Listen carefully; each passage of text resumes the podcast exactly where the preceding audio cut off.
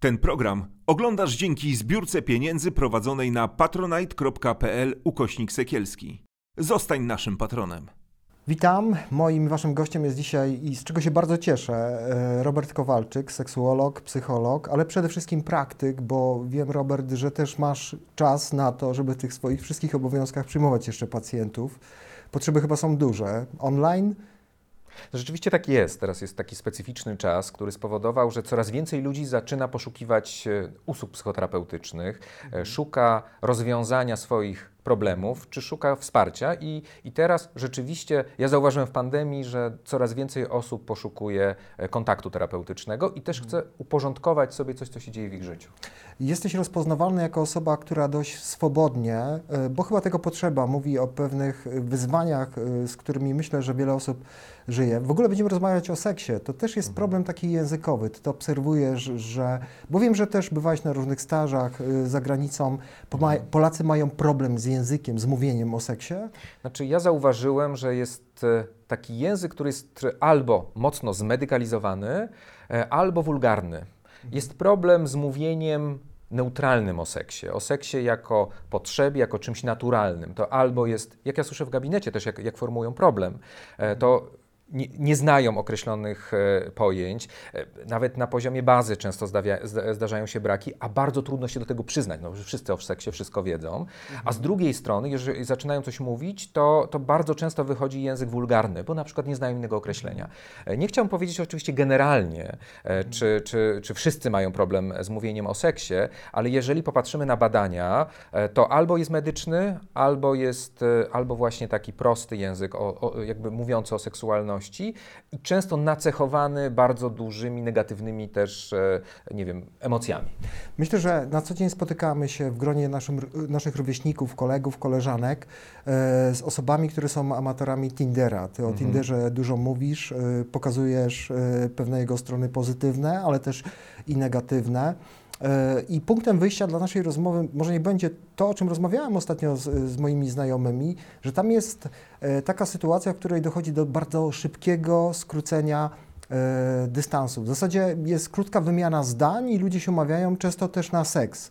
E, I jest takie pytanie, czy to rzeczywiście realnie mamy z jakimś zjawiskiem E, które odciśnie swoje piętro, piętno, bo ty jesteś chyba autorem e, takiego powiedzenia tin, o tinderyzacji tak, mm. tych relacji, co kryje się pod tym pojęciem. Nie chcę pytać o zagrożenia, bo to jest po prostu fakt, nie? Ale czy ty, mając jakieś takie szersze spektrum, jako osoba, która z jednej strony zajmuje się tym naukowo, a z drugiej strony myślę, że trafiają do ciebie ludzie, którzy są uwikłani w różne takie relacje też internetowe. Jakie, co, co ty możesz o tym powiedzieć po prostu? Co to zmieniło? Bo na pewno zmieniło. To jest przeciekawy problem. Tinder to też nie można powiedzieć istnieje od zawsze. Mamy Tinder na rynku 10 lat mhm. E, i pojawia się też całe mnóstwo opracowań, które pokazują, jak e, Tinder, oczywiście Tinder jako pewien symbol, bo tych aplikacji do randek jest e, dziesiątki, one są profilowane w zależności do bardzo wielu różnych grup. No Tinder jako takie trochę słowo klucz, słowo hasło. E, rzeczywiście pojawiało się w nauce pojęcie tinderyzacja randek, tinderyzacja relacji, ale chodzi o pewien rodzaj przyspieszenia i wpływu, mhm. bo w różnych krajach też różnie ten Tinder jest postrzegany, ale coś, co zauważono, to taki element wpływu e, Tindera poprzez na przykład to, że bardzo łatwo poznawać kogoś. No kiedyś trzeba było, nie wiem, iść do lokalu, trzeba było, nie wiem, usiąść, zamówić na przykład dziewczynie czy chłopakowi drinka i jakoś nawiązać relację. Teraz no pokazać się, tak, przedstawić. Tak, dokładnie. Teraz mhm. trzeba odpalić aplikację i tyle. Mhm. Załączam zdjęcia, oczywiście wybrane, wyselekcjonowane, buduję jakiś opis, który też mnie jakoś profiluje, no i teraz czekam. Mhm. E, jeżeli, prawda, jestem zmaczowany, czyli paruje się z drugą osobą na poziomie tej aplikacji, oznacza to, że jesteśmy dla siebie wzajemnie atrakcyjni. I o co chodzi o tą tinderyzacją relacji czy randek? Na początku randek, to znaczy tworzy się pewna lista. Lista to w zależności od tego, czy mam, no nie wiem, profil jak najbardziej wyśrubowany, jak najbardziej też e, odpowiadający kryteriom, co też jest coraz więcej badań, które pokazują, jak ma się wyglądać, żeby dostawać najwięcej polubień. E, ale I mam ten profil, on funkcjonuje, prawda, w cyberprzestrzeni i jestem co, co, co jakiś czas dodawany przez kolejne osoby do tego profilu. I co się zaczyna dziać? Załóżmy, że jest taka lista, nie wiem, 10, 10 osób, które, e, które są w zanadrzu. I odhaczam, prawda? Pierwsza osoba z tej listy, idę na pierwszą randkę, no, okej, prawda? Czyli tworzę sobie wewnątrz jakieś kryteria i sprawdzam, na ile ta osoba spełnia te kryteria. E, ale mogę mieć takie przekonania, i to jest dość częste przekonanie, że, czy takie wręcz można powiedzieć kulturowe przekonanie, że po pierwsze, należy mi się, żeby mieć coś najlepszego, co, mam, co jest na rynku, to znaczy najbardziej adekwatną osobę. A druga rzecz, że e, jakby jak szukam drugiej osoby, to idealnego partnera czy idealnej partnerki. Co, o co chodzi z tym idealnym partnerem, idealną partnerką? Czyli znowu wyobrażam sobie jakieś kryteria. E, I nagle się okazuje, że spośród, załóżmy, 10 tych kryteriów, e, ta osoba spełnia 8. No i na przykład spotykam się pierwsza, druga, trzecia randka, no 8, no ale przecież tam dalej osoby czekają, a może któraś z tych osób będzie 10 na 10. Tu coś nie wyszło, bo na przykład pierwszy kryzys, pierwszy zgrzyt, zaczyna się coś typowego dziać w relacji, czyli tak naprawdę odsłaniamy tak, e, tą, tą, tą, rzeczywistą e, osobę, prawda? poznajemy rzeczywistą osobę, iluzje, wszystkie projekcje ulegają jakiegoś, jakiemuś już rozproszeniu i nagle się okazuje, to jest, że, że, że no nie, no nie, no jeżeli, no tu mi nie pasuje, może źle siada, może nie wiem, e, źle, no ale, ale wiesz, uśmiechnąłeś się, ale naprawdę przypominam sobie niejednego pacjenta, który mówił, no nie, ale ona jakoś tak dziwnie chodziła. Aha. Tak, albo na przykład, no te, te włosy nie miała takie, jakbym sobie życzył.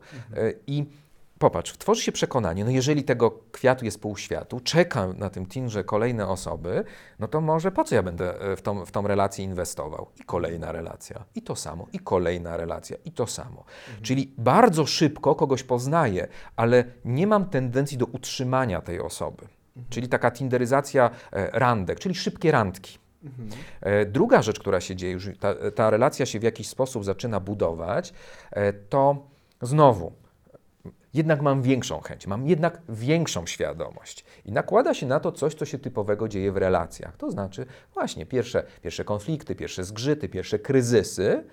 No i nagle się okazuje, że mija rok, mijają dwa lata, wyparowuje trochę ten bonus od natury, który polega na tym zauroczeniu, e, partnerem czy partnerką, to podlane hormonami, nagle jestem z rzeczywistą osobą, e, gdzie rzeczywiste kryzysy się pojawiają. Po co ja mam to rozwiązywać? Jak mogę sobie znowu odpalić Tindra i będzie za chwilę następna osoba? Ja myślę, że mówisz o czymś, y, o czym opowiadała mi ostatnio jedna z koleżanek. Opowiadała y, mi o takiej sytuacji, że tam w zasadzie bardzo często ludzie po prostu umawiają się na, na seks, na jakąś mhm. relację intymną. Mhm. Y, to odpowiada też takiej, takiej mody, nie wiem czy modzie, ale mamy taką tendencję do szukania takiej samowystarczalności. Ja porozmawiam mhm. z Tobą jeszcze na temat mhm. zachowań autoerotycznych, bo mhm. Ty mhm. też to badałeś i też dużo o tym mówisz.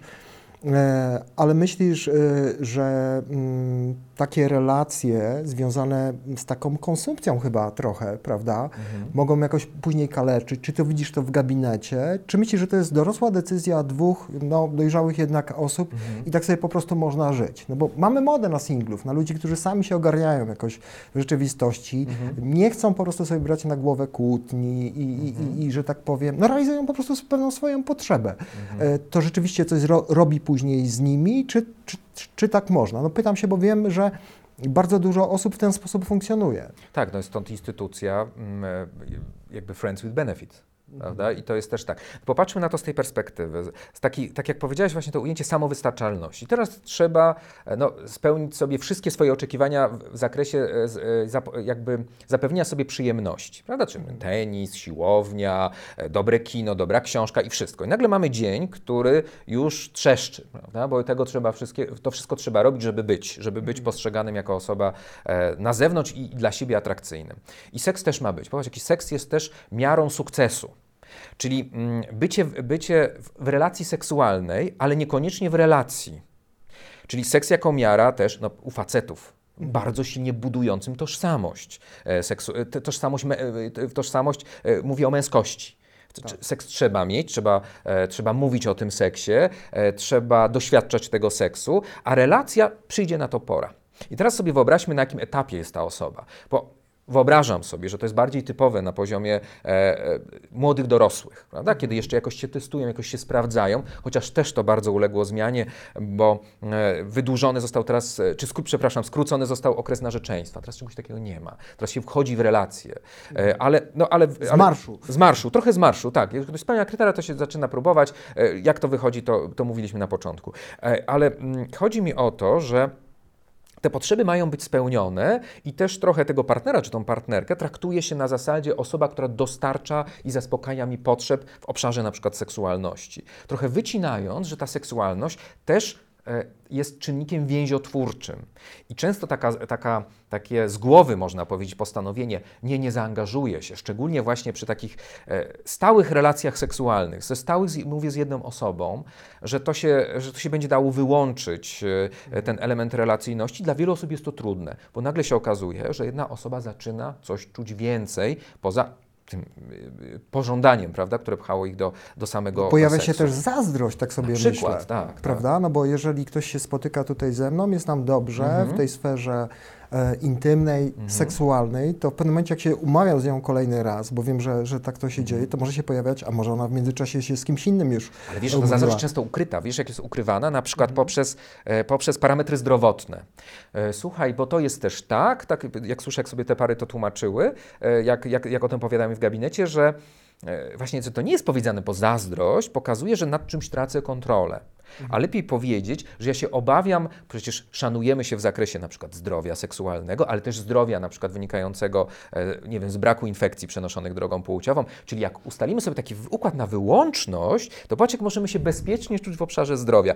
Bo popatrz, przyznanie się do zazdrości może być czynnikiem, który pokazuje... Odrzuci. Tak, tak, bo to, to jakieś emocje się pojawiają, a tutaj popatrz, do takiego... No zmieniasz reguły gry. Tak, tak, trochę zmieniasz. A, a zdrowie to wszyscy się martwią o zdrowie, prawda? Bo teraz tych chorób jest tyle, prawda? I tam sobie opowiadają Aha, różne rzeczy. Takie szukanie wytrychu jednak Tak, e, żeby, takiego... żeby się zachować, to, to, to że, że jednak to jest dalej czyste i tylko oparte na, na, na działaniu. Ale mówiłeś o tych parametrach i bardzo mnie to zainteresowało, w ogóle związanych z tą taką męskością, bo mm, y, coraz widzę w mediach, y, przy okazji też y, różnych transmisji sportowych, Mhm, których mhm. dość dużo, myślę, że w nadmiarze oglądam, pojawiają się reklamy związane właśnie z tą męskością. To znaczy, y, no jest zbudowany taki obraz mężczyzny, i to jeszcze w takim społeczeństwie wychowanym w takim drylu z jednej strony mm, z naleciałościami komunizmu i, i, i- i no, wiary katolickiej, która Mhm. powiedzmy sobie szczerze e, o seksie nie potrafi rozmawiać, potrafi tylko e, zabraniać i w to wchodzą reklamy. Myślę, że Mhm. jesteśmy takim wdzięcznym społeczeństwem właśnie przez tą podbudowę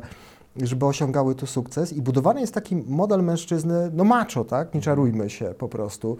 E, I ten mężczyzna jest przekonany, że no, muszę dwa albo nawet trzy razy najlepiej generalnie. e, Znaczy przede wszystkim muszę. muszę, muszę, Tak, tak. muszę mieć Znaczy tam- stosunek. tak, tak mówi, mhm. E, Mój penis ma być wiecznie gotowy i przygotowany. On musi Mhm. mieć odpowiedni wymiar, bo wiem, że już są reklamy związane z, z, z, no, z wydłużaniem nie tylko czasu Tak, tak, erekcji, tak, ale oczywiście, również oczywiście. penisów. Polacy są autorami, zdaje się, jakiejś e, w ogóle aplikacji internetowej. Rozmawialiśmy o tym, e, która kontroluje w ogóle, e, poczynając od erekcji po zakończeniu stosunku i gdzieś tam rejestruje Mhm. ten stosunek i to jak jakieś endomondo można sobie gdzieś tam Mhm, po prostu oglądać. A ja sobie stawiam takie pytanie, bo oczywiście ulegamy temu, bo te reklamy Mhm. mają przemożny wpływ na nas. Y, Czy po pierwsze, my tego potrzebujemy jako mężczyźni i czy te kobiety oczekują w nas, że będziemy jakimiś w łóżku Spidermanami?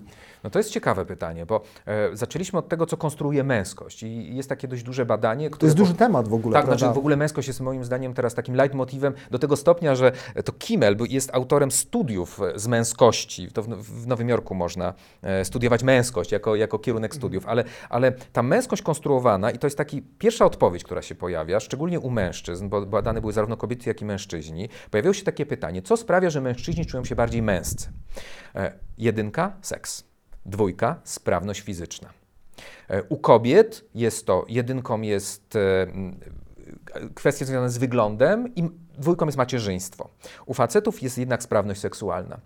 I teraz, e, a, a to jest ciekawe, że też jak się zapytano kobiet, to dla nich ta sprawność nie była aż tak wysoko, e, ale wiedziały, że dla facetów to jest niezwykle istotna kategoria, czyli sprawność seksualna. I popatrz, jeżeli popatrzymy na to z perspektywy reklam, to one odpowiadają właśnie na ten lęk i na to oczekiwanie, bo jeżeli pojawi się jakiś problem w seksie, no spada samoocena.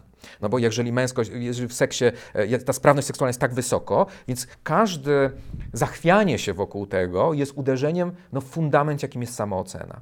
I pojawia się też oczywiście wstyd.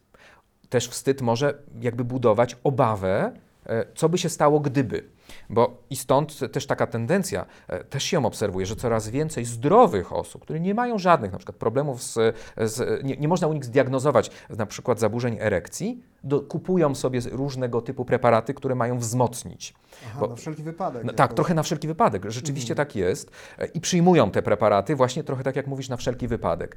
E, akurat mm, takim preparatem, który zrobił gigantyczną karierę, to jest sildenafil. Ja mówię oczywiście nazwie, nazwie mm, substancji. To jest, no, no wiem, o wi wiadomo o czym mówimy. E, I do tego stopnia, że mm, no, ten lek w ogóle e, spowodował, że ten koncern stał się jednym z najbogatszych koncernów na świecie. To znaczy, jak trafił, jak trafił jednak preparatem w gigantyczne oczekiwanie, które jest na rynku, do tego stopnia, że no, no właśnie, że to jest wręcz symbolem stał się ten preparat. Jak wiele osób zaczęło używać tak ten preparat i oczywiście pomagało to w zaburzeniach erekcji, ale też jak wiele osób zaczęło używać go jako element wspomagania.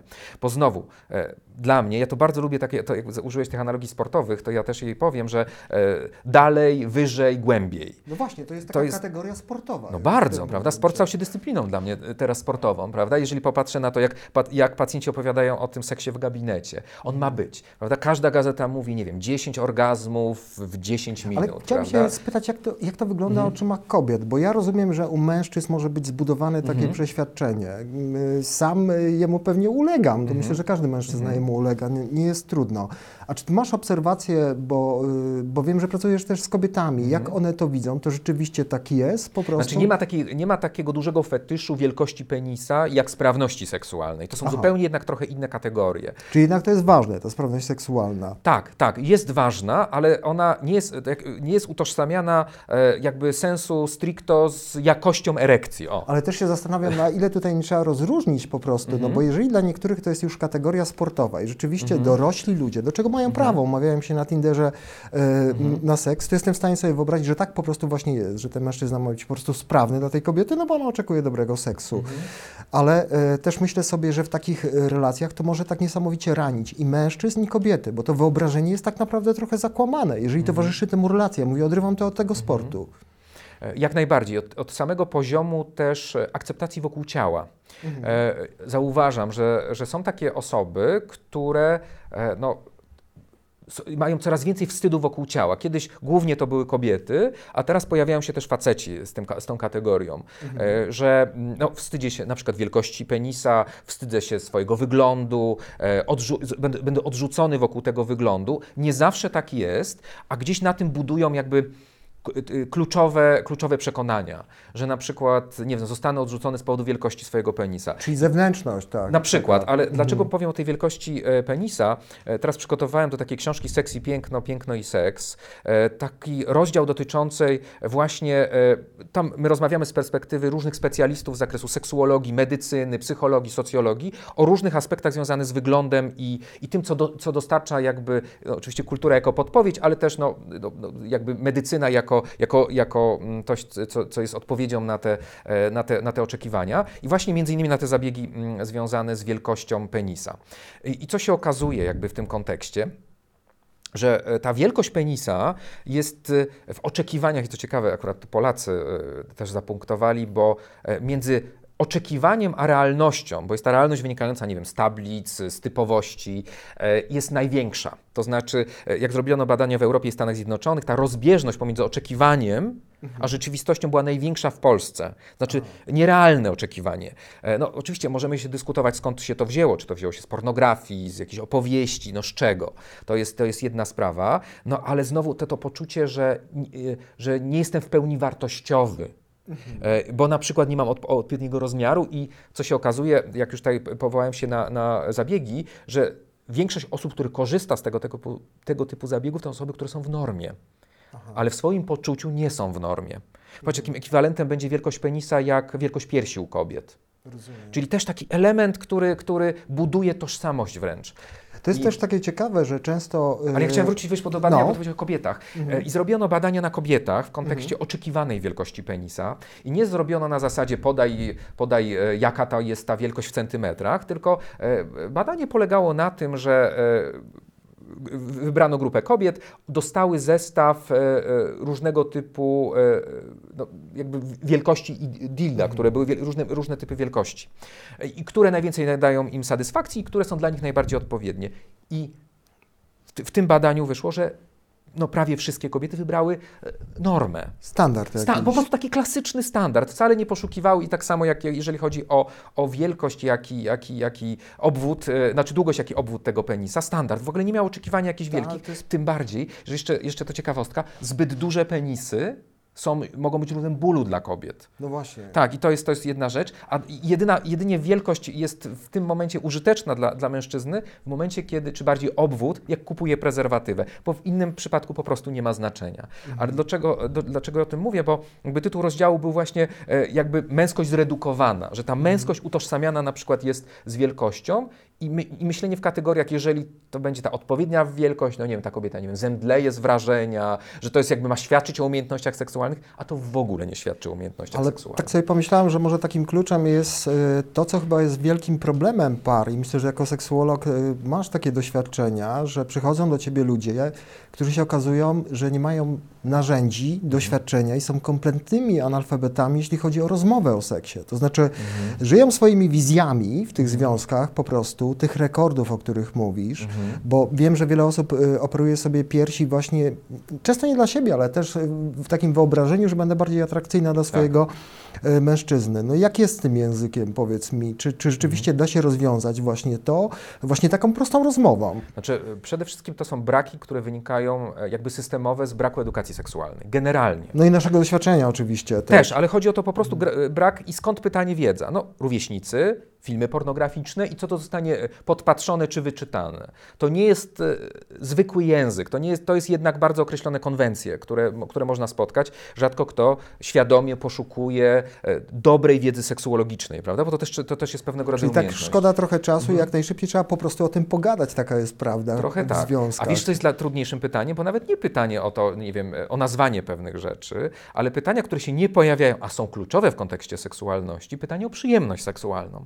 Ale wiesz, to Mhm. też jest wielki temat wstydu. Rozmawiałem o tym ostatnio Mhm. z panią profesor Wojdyło i myślę, Mhm. że tutaj y, duże zasługi są w cudzysłowiu.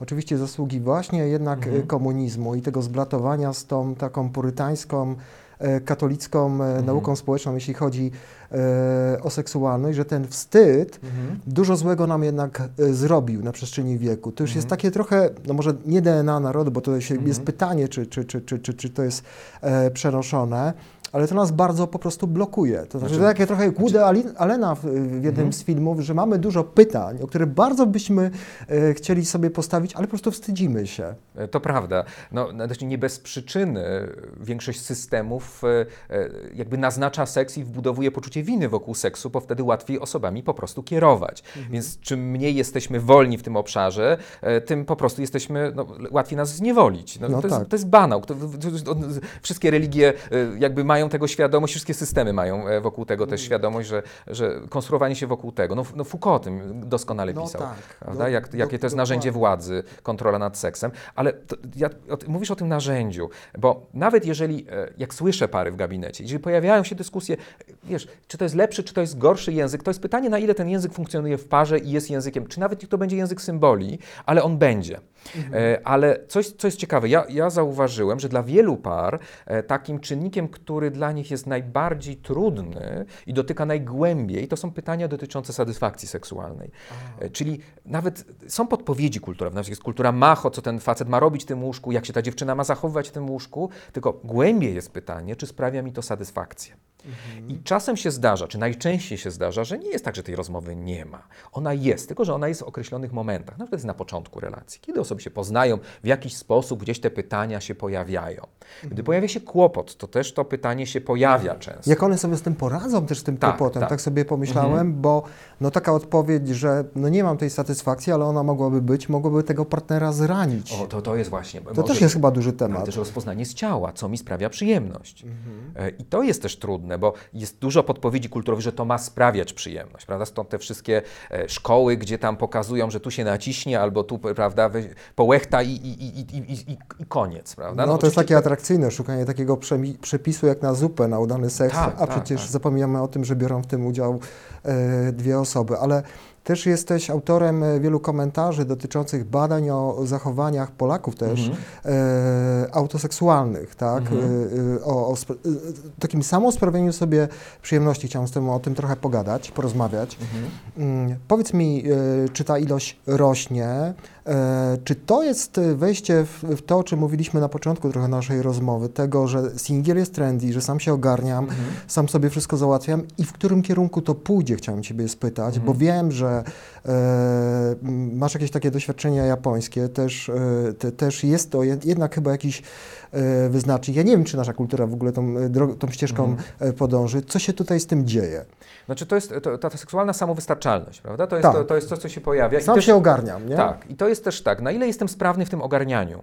No właśnie. I to jest też tak, że są osoby, które mniej są sprawne albo podejmują z różnych powodów taką decyzję, to wiadomo, że tutaj zachowania autorytyczne będą częstsze.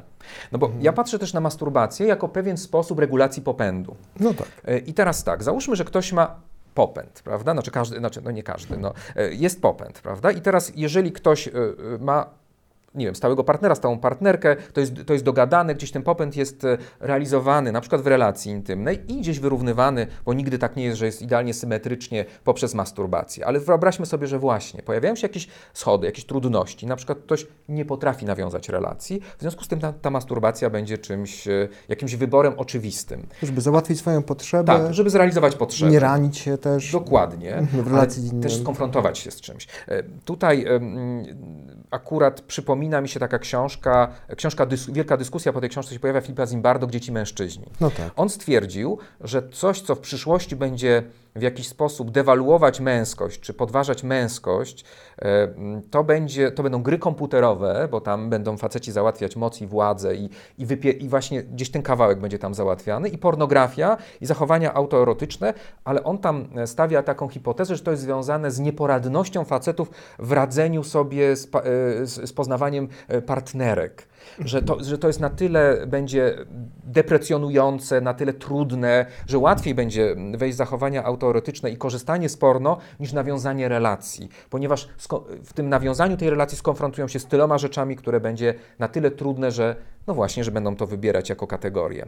E, Powołam się na badania profesora Izdebskiego, on tam twierdzi, że rzeczywiście e, zauważył, zauważył trend, no to są badania, które prowadzone są już od e, dobrych kilkunastu, jak nie od kil, kilkudziesięciu lat, ja mówię o tych pod, pod opieką profesora, że jest wzrost zachowań autoerotycznych. I znowu pytanie, czy jest wzrost, czy jest przyznawanie się, bo to też jest ciekawe w badaniach w ogóle o seksualności, bo e, teraz o wiele, osób, wiele więcej osób się przyznaje do pewnych praktyk seksualnych. To jest bardziej naturalne chyba. Tak, i to jest też y, y, coś, na co musimy zawsze brać pod uwagę, bo nie zawsze to się polega na tym, że coś się zmienia, tylko że się emancypuje. Znaczy chodzi Ci o pewien błąd, który tkwi w badaniach związanych na naszą otwartość Tak, po prostu, tak. że No w tej chwili tak. możemy bardziej otwartym językiem wśród znajomych, już też na potrzeby jakichś Tak. badań mówić szczerze, odpowiadać. Ale powiedz mi, co się dzieje w Japonii, bo rozmawiałem trochę z, Mhm, z Tobą, jak sobie e, przygotowałem się do tego rozmowy i Ty opowiadasz szalenie ciekawe rzeczy po Mhm. prostu, bo e, ta Japonia to takie antypody, my jej nie znamy, ale Mhm. tam się dzieją bardzo e, ciekawe rzeczy. Już nie mówię o tych lalkach, grach Mhm. komputerowych, bo to jest wszystko zdigitalizowane, staje się, możesz powiedzieć, w jakim, jaki tam model o, się rodzi, jeśli Znaczy, chodzi o oczywiście te tutaj zachowania. musimy brać pod uwagę duże różnice kulturowe, no ale z drugiej strony Japonia czy Korea jest pokazywana jako taka forpoczta no, przyszłości. No tak. E, Że rzeczywiście coś, co się tam pojawia, za jakiś czas pojawia się na rynku ogólnym. No bo tak to wygląda w praktyce i nawet przy tych całych różnicach kulturowych. No korporacje to jest dobry przykład. No, nie, nie, nie bez przyczyny to też jest tam tworzone. I pytanie, Mhm. na ile wytworzymy sobie protezy do seksu.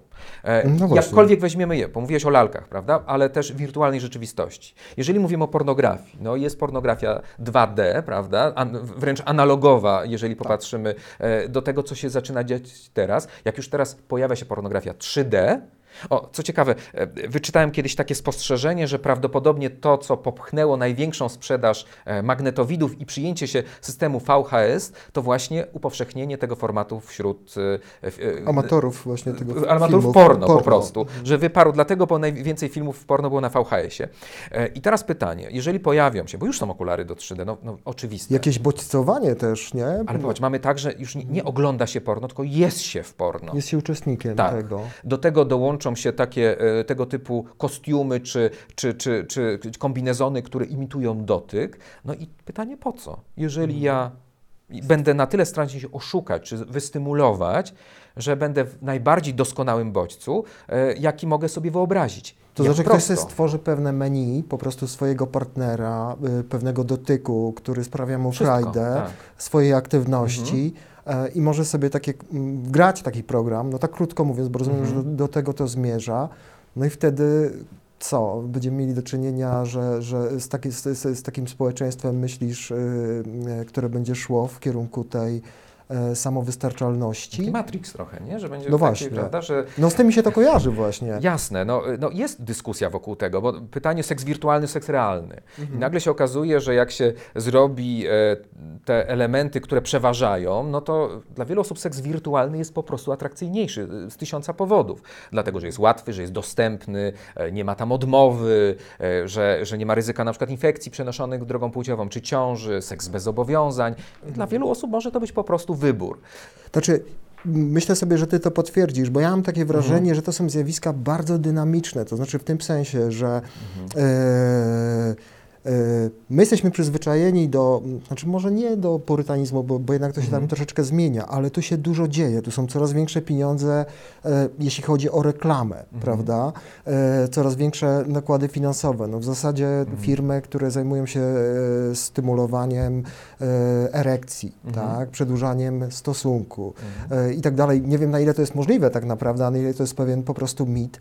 One są coraz bardziej dynamiczne. Myślisz, że to będzie miało wpływ na takie nasze relacje, no bo myślę, że, że tak jak no, podstawą według Maslowa no są oczywiście te potrzeby seksualne, to jednak ta potrzeba relacji nigdy w nas nie, nie, nie, nie, nie, nie zniknie. Nie wygaśnie, no. Czy dojdzie e, rozszczepienia tego po prostu? No bo jesteśmy przyzwyczajeni póki co jeszcze do takiego modelu, że mhm. jesteś dla mnie na wyłączność, robimy pewne rzeczy, jesteśmy w mhm. pewnej takiej mhm. relacji, którą mamy tylko dla siebie po prostu. Mhm.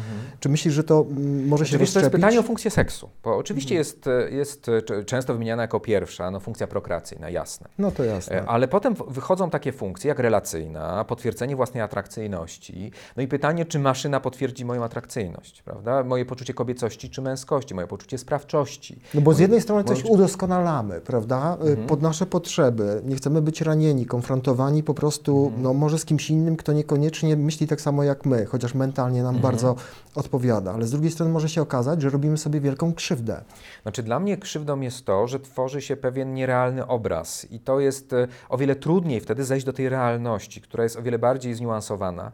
E, mhm. I e, jeżeli ja sobie wytworzę idealny obraz e, też seksu i będę starał się go zrealizować, ale na zasadzie użycia drugiej osoby do tego seksu, no to tu się pojawi problem. Bo, dlaczego o tym mówię? Jest wielka dyskusja wokół pornografii. No, z jednej strony ja mam też takie poczucie, teraz chodzi taka ciekawa książka Roberta Ziembińskiego pod tytułem Porno, gdzie są rozmowy z osobami z branży porno i tam pokazywane jest w kontekście, że porno trochę jest takim chłopcem do bicia, że wszystkiemu winne jest porno i tak dalej, i tak dalej. Ostrożnie z tym, e, mhm. ale patrzę na, trochę na z innej strony. tworzą się pewne nawyki. Chodzi o to, że jeżeli ktoś jest, uczy się na pornografii, a uczy się seksu z pornografii, trochę bez E, bez refleksji, że jest to bajka, jest to pewne wyobrażenie, jest to fantazja o seksie, a nie seks. No tam, że tam jest wiele pracy wykonanej, żeby ta jedna sekwencja została pokazana właśnie na przykład przez Tak, ale wiesz, ale ktoś ogląda, nie wiem, e, filmy, nie wiem, jakiekolwiek w telewizji, to ma świadomość, że to jest, że to jest film, nie wiem, jakoś tak podskórnie masz poczucie, że są mhm. aktorzy wybrani, że to, jest, że to jest film. A w porno wiele osób ma takie przekonanie, że to jest taki trochę skrypt do seksu, a jakoś, że to jest jednak fantazja o seksie. Dla, mhm. jak to wygląda ta fantazja o seksie? Na przykład to, że są tam mężczyźni zawsze mają erekcję, kobiety zawsze są gotowe, tam są osoby wybrane po warunkach, czyli mówiliśmy o tej wielkości członka, też są e, aktorzy Tak, tak. wybierani, e, żeby spełniali określone kryteria. Też są określone sceny, które, no właśnie, jeżeli Są przyjrzymy się... montowane czasami godzinami. One są, one są w ogóle kilka dni nagrywane i to jest montowane na przykład w, e, w, jeden, w jeden film. I odegranie tego no, jest dla wielu osób no, nierealne, po prostu. A gdzieś ktoś ma wyobrażenie, że tak wygląda. To znaczy, że nie wiem, że wchodzi chłopak do pokoju, e, dziewczynie spadają majtki z hukiem i 45 minut penetracji. No bo tak to wygląda. Czyli znowu taka kategoria sportu po prostu Tak, takiego. prawda? Idealnie. I oczywiście kończy się e, finał filmu, szczególnie tych mainstreamowych, to jest finał u mężczyzny. Kobieta ma krzyczeć podczas orgazmu, przecież to jest oczywiste. I tworzą się pewne kalki. I jest cała dyskusja, bo jeżeli mamy osobę dorosłą, która ma jakąś świadomość tego, ma doświadczenia, to jest o wiele bardziej krytyczna. Ale jeżeli popatrzymy na osoby młode i pytanie, na ile one są krytyczne wobec tego, kiedy nie ma żadnej osoby dorosłej, która z nimi porozmawia. Bo ja nie chcę kategoryzować, czy porno jest dobre, czy to jest złe. Tu nie jest ta ocena. Porno to jest zabawka dla ludzi dorosłych, tylko wymaga też edukacji, jak wszystko. No nie wiem, dziecku tłumaczymy, że jak na filmie, nie wiem, wybiega ktoś z karabinem i kogoś zabija, to to jest film. E, I uczymy to dziecko, że to strzelanina nie doprowadza do rzeczywistej śmierci, bo dziecko zaczyna tak reagować, prawda, Tak. jak widzi pierwszy raz. E, A, a o porno nikt tak nie rozmawia. Nie, no to jest bajka. Który z rodziców siądzie i mówi, słuchaj, wiesz co, oglądaj sobie, tylko pamiętaj, że to jest bajka. Dziewczyny tak nie wyglądają, faceci się tak nie do końca zachowują, bo to są aktorzy i tak dalej, i tak dalej. Takich rozmów nie ma. Dlatego to jest atrakcyjne pewnie, bo jest zmontowane, właśnie wszystko jest wymuskane. no, Mhm. to jest- A chciałem z tym też porozmawiać, bo y, jesteśmy przyzwyczajeni do takiego modelu. Ja się dość mocno tym zajmowałem, jeśli chodzi o nadużycia seksualne, jeśli chodzi o pedofilię, jeśli chodzi o wykorzystanie stosunku za, zależności, że tym predatorem, tym złym bohaterem jest zazwyczaj mężczyzna. I chciałem się cię spytać, czy to się zmieniło, czy ty obserwujesz e, generalnie tutaj zmianę, no bo spotkałem się takim e, poglądem, że e, no kobiety no w różnych społeczeństwach w pewnym momencie jednak się wyemancypowały, tak, seksualnie. I że to się trochę zmienia, że pojawia się model właśnie e, predatora kobiety, która, która dopuszcza się nadużyć, wykorzystuje stosunku zależności. E, to jest dla nas zjawisko dość nowe tutaj w Polsce. Mhm. To jest ciekawe, znaczy, bo, bo to nie można powiedzieć, że to jest coś nowego, to, że kobieta jest agresorem seksualnym. Zawsze były kobiety agresorami seksualnymi, tylko e, w świadomości, jak to, jak to wygląda. E, Ja prowadząc zajęcia często zadaję pytanie na przykład o kto jest często ofiarą, kto jest sprawcą, znaczy kto jest, jaka płeć ma ofiara i jaką płeć ma sprawca. E, Jeżeli prześledzimy w ogóle przestępstwa seksualne, to najczęściej sprawcą jest mężczyzna, najczęściej ofiarą jest kobieta, dziewczynka. To jest standard, niezależnie od typu tego przestępstwa.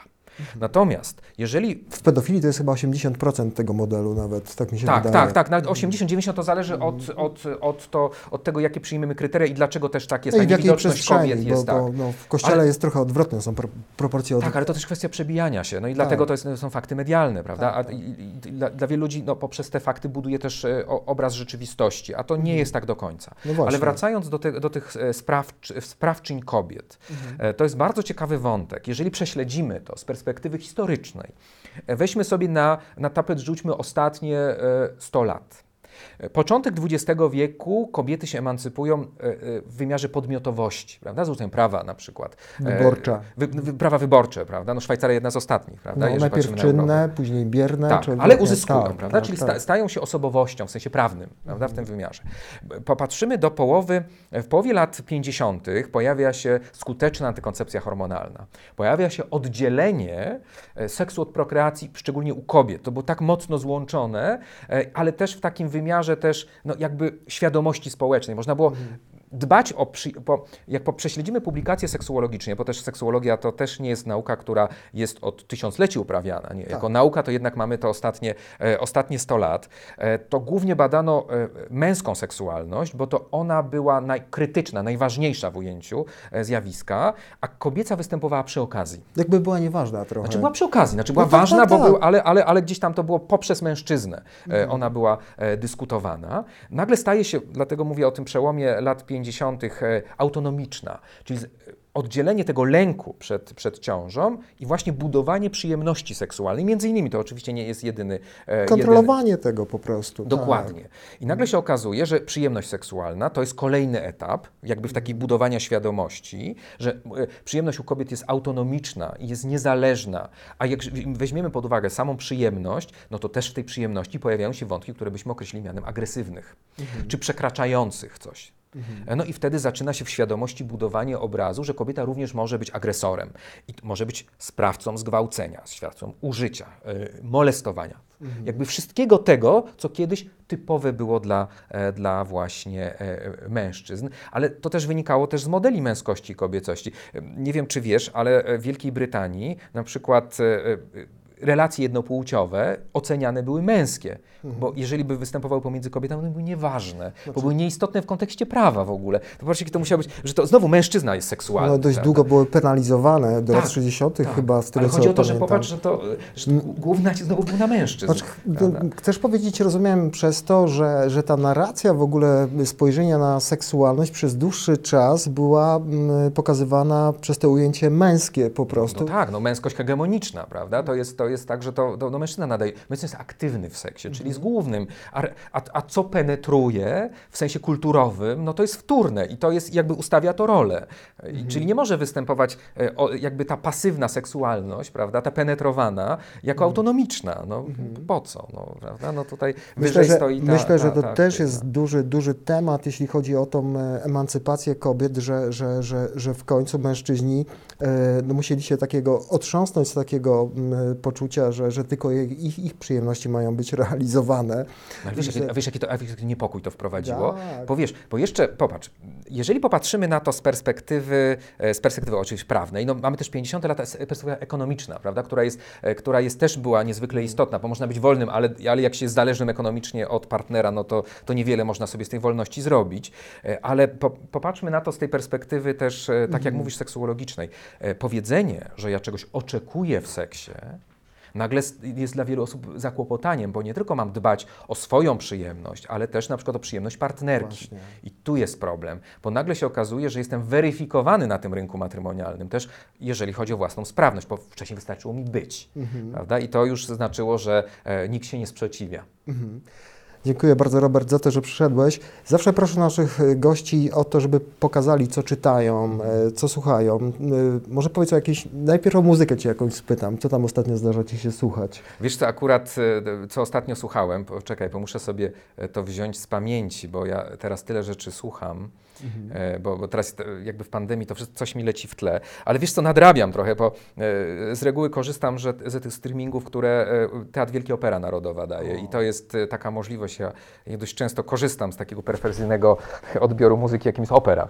Że tam, tam, tam, są głównie gwałt i morderstwa i jak się prześledzi na przykład Ryszarda Straussa, to w każdej operze ktoś musi umrzeć, no. ktoś zabity być, tam kazirodztwo jest na porządku dziennym, gwałty, wszystko, no, prawda? Wagner też.